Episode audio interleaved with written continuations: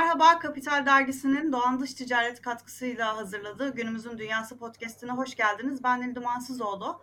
Bugün Cilda Partners'ın kurucu ortağı Cilda Balla şirketlerin İK politikalarının nasıl değiştiğini konuşacağız. Hoş geldiniz.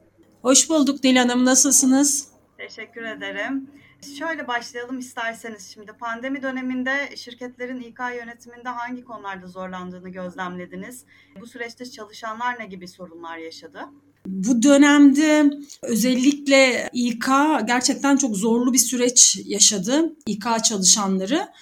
Çünkü bilinmedik bir sürece girdiler. Bu süreçte hem hızlı karar almaları gerekiyordu hem de bu hızlı kararında hem sağlığa hem de şirketin finansallarına olumlu etkisini görmeleri gerekiyordu. Dolayısıyla gerçekten çok zorlandılar. Önce bilinmedik işte herkesin eve dönmesi, eve girmesi, evden nasıl çalışılacak? Çünkü bizim kültürümüzde böyle bir çalışma sistemi yoktu. Biz kültür olarak da çok benimsediğimiz yani Avrupa ve Amerika bunu yıllar önce ufak ufak başlamalarına rağmen hani bizler e, biraz daha bu sürece uzak duruyorduk. Tabii pandeminin gelmesiyle birlikte, hayatımıza girmesiyle birlikte her şey o kadar hızlı gelişti ki ve biz bir anda gerçekten uyum sağlamaya yani uyum sağlama zorunluluğu hissettik diyebiliriz. Burada ne oldu? İşte insanların eve girmesi, e, evden çalışması, çalışmaya başlaması, bundan dolayı gelişen bazı zorluklar çünkü bir ailede eş ve çocuklar okula gitmez ve evdeyken ve herkes evdeyken çalışma biraz zorlandı onu ayarlama. E, firmaların buna destek vermesi. Dolayısıyla bunlar hep İK yönetimindeki zorlanılan konulardandı. Diğer bir konu da tabii evlere girdiğimizde e, mevcut IT yapısının olmaması yani yeterli olmaması. Tabii bizim evlerdeki internet evimizde kullanılacak şekilde dizayn edilmiş bir internet. Dolayısıyla işte herkesin aynı anda internette olan bir süreçte tabii IT e, tarafında e, yardım, bundan doğan işte masaydı, sandalyeydi. Dolayısıyla İK departmanının oldukça yüksek organizasyona ihtiyacı oldu diyebiliriz Nil Hanım. Şimdi şöyle bahsettiğiniz zorluklarda şirketlerin destekleri oldu mu? Yani örneğin evde yaşlı ve çocuk bakımı da kadının üzerinde olduğu için özellikle kadınlar bu süreçte çok zorlandı onu biliyoruz. Haliyle internet, elektrik faturaları bu süreçte evde çalıştığı için herkesin daha fazla oldu. İşte dediğiniz gibi ofis malzemeleri anlamında bir desteğe ihtiyacı oldu çalışanların. Bunların hepsi çalışan cebinden gitti. Çalışanların üzerine nasıl bir yük bindi? Bu süreçte?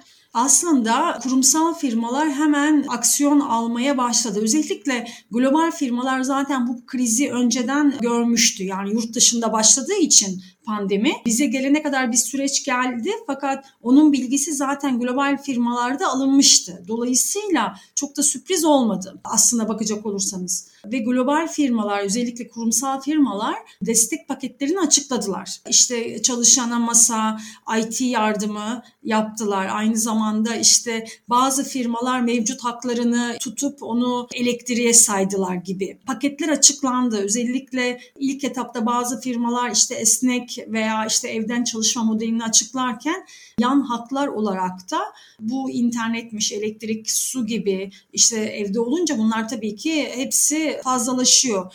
Burada destek olundu yani tam olmadı diyemem fakat Şimdi kadın çalışanlardan bahsedince özellikle bu pandemi döneminde işten ayrılan kadın sayısı %33 olarak açıklandı. İsmi bir makalede okumuştum bir araştırmada. Bunun da nedeni bir kere hem eşlerin evde olması hem çocukların evde olması ilk feragat eden yine kadın oldu. Bu her seviyede oldu inanım. Yani sadece belli seviyelerde değil. Ben genel müdür yardımcısı da gördüm, direktör de gördüm, müdür de gördüm, müdür altı çalışan da gördüm. İstifa eden yani mecburiyetten dolayı istifa eden yine kadın çalışanlar oldu ilk etapta. E, oradaki zorluk iş gücünün yani normalde evdeki iş gücünün kadının üzerinde olmasından dolayı tabii mesai şartları da çoğaldı. Dolayısıyla kadın bunu sürdürebilir hale getiremedi ve istifalar başladı maalesef. Şimdi yeniden bir iş arama, işe dönüş başlasa da tabii ki bir iş gücünde kayıp oldu o dönem. Şimdi kadınların fazla mesai yapmasından ziyade bir de e, gece gündüz çalışma gibi bir sorun çıktı pandemi döneminde Doğru. ortaya. Bir de dijital araçlar çok fazla işin içine girince her dakika bir online toplantı, WhatsApp'tan rahatsız edilme. Bu durum e, insanların stres seviyesini nasıl arttırdı? Neler gözlemlediniz ve önemli olan artık ofislere dönüş olsa bile bu 7-24 çalışma meselesi sanki kalıcı hale geliyor gibi. Yani çok doğru söylüyorsunuz. Şimdi burada ilk etapta tabii acemiydi firmalar. Yani şey algısı vardı Nil Hanım. Çalışan evde gerçekten çalışıyor mu? O yüzden sabahın 9'una mesai saati başlar başlamaz herkes bir toplantı koydu. İlk öyle başladı. Sonrasında anlaşıldı ki e, verimlilik tabii artınca zaman içerisinde bu görüldü.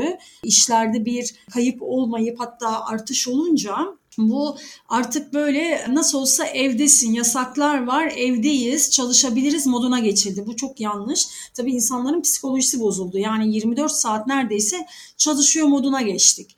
Ya bunu ben de aynı şekilde bana da oldu. Her ne kadar ben kendi işimi yapsam da sonuçta firmalar benden akşam 8-9 toplantı talep etmeye başladılar. Çalışanlar aynı şekilde akşam veya hafta sonu mülakat yapma isteği başladı. Çünkü mevcut iş yoğunluklarından dolayı.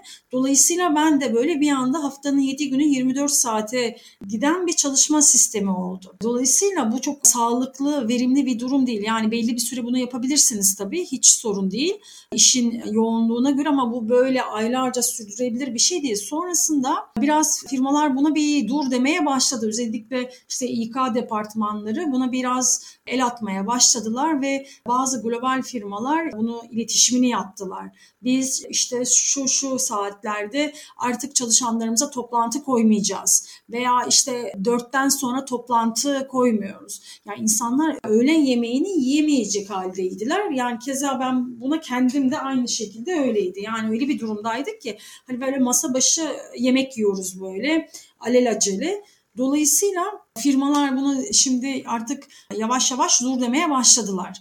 Şey de oldu yani insanların psikolojisi bozuldu. Bu motivasyonu etkiledi ve bunun sonucunda da bu çalışmanın sonucunda da ben mülakatlarımdan biliyorum iş arayışa geçti insanlar. Dolayısıyla ilk başta pozitif etkisi olarak finansallarımızda gördük belki ama sonrasında negatif etkisini kaliteli iş gücünün gitmesiyle gördük. Bu durumda dediniz ya insanlar başka iş aramaya başladı diye. Turnover oranları arttı mı? Ne gözlemlediniz? Tabii arttı.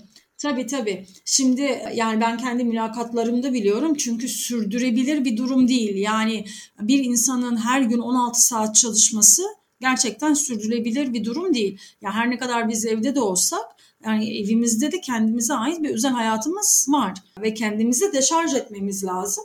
Doğru arttı. Bir hareketlilik var Hatta ekonomik sürecimiz malum son günlerde çok parlak olmasa bile işe alım sürecimiz durmadı. Normalde paralel gider, şimdiye kadar hep paralel gitmiştir. Fakat işe alım sürecimiz o paralel doğrultusunda gitmiyor şu aşamada. Bu da tabii ki fazla mesai çalışmanın sonucu oldu. Diğer bir sonucu ise şu, Şimdi bazı pozisyonlar aslında evden de yürütülebilir pozisyonlar ve şirketler hibrit yapıda işe yani ofise dönmeyi açıkladı. İşte haftadan üç günü ofis, iki günü ev şeklinde. Bunun da etkisi var. E, artık insanların bir kısmı özellikle genç nesil ofise gitmek istemiyor. Onun da etkisi oldu bu hareketliliğin. Yani artık yine evlerinden çalışılacak pozisyon arayışındalar. Bunun da etkisi var tabii ki. Peki şimdi bu evden çalışmanın evet. tamamen kalıcı haline geleceği açıklanan ya da belli bir departmanlarda kalıcı hale gelecek hibrit sistemler oluşturacak. Bunlar K yapıları nasıl değiştirecek? Yan haklar tarafında mı? Yani mevcut paket ve yan haklar tarafında mı soruyorsunuz? Evet yanaklar tarafından nasıl değişecek? Çalışan beklentileri de nasıl değişti tabii onu da konuşalım. Şimdi burada şimdi olumlu etkisi de oldu, olumsuz etkisi de oldu. Şimdi evden çalışılacak pozisyonlarda bazı firmalar tabii ki ekstra paketleri açıkladılar. İşte ekstra internet yardımı, bir kere herkese laptop geldi. Yani Türkiye'de hala desktop kullanılıyordu bu pandemiye kadar. İşte yükselticisinden tutun masası, sandalyesine kadar bunlar evden çalışan pozisyonlarda yardımlar açıklandı. Artık bu kalıcı hale geldi çünkü.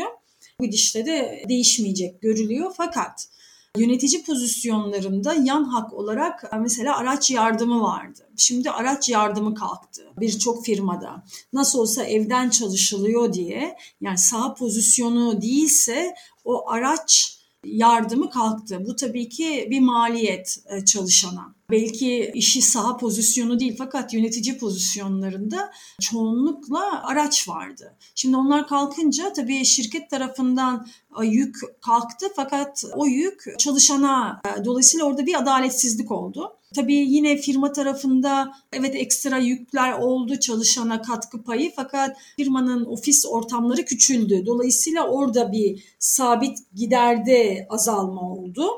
Bu da değişmeyecek gibi görülüyor. O yüzden tamamen değişti. Şimdi çalışan beklentiler de değişti.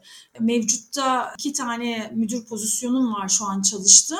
Normalde bu pozisyonlarda araba gelirken şimdi araba yok mesela. Dolayısıyla bu çalışanda bir kayıp oldu. Yine bazı firmalar bunu araba hakkını üstüne yani maaşın üstüne ekleyerek Tabii ki tamamını ekleyemez. Çok yüksek bir tutar oluyor. Biraz ekleyerek kompanse etmeye çalışıyor fakat tabii ki burada yine çalışanın kaybı oluyor haklarda. Çalışanlar ne talep ediyorlar artık şirketlerden? Bir kere şimdi talep konusunda mevcut haklarını talep ediyor. Fakat o mevcut haklarında tabii kısıtlamalar oluyor. O bir sorun. Peki Cilda Hanım çok teşekkür ediyorum katıldığınız için. Tekrar görüşmek üzere. Hoşçakalın.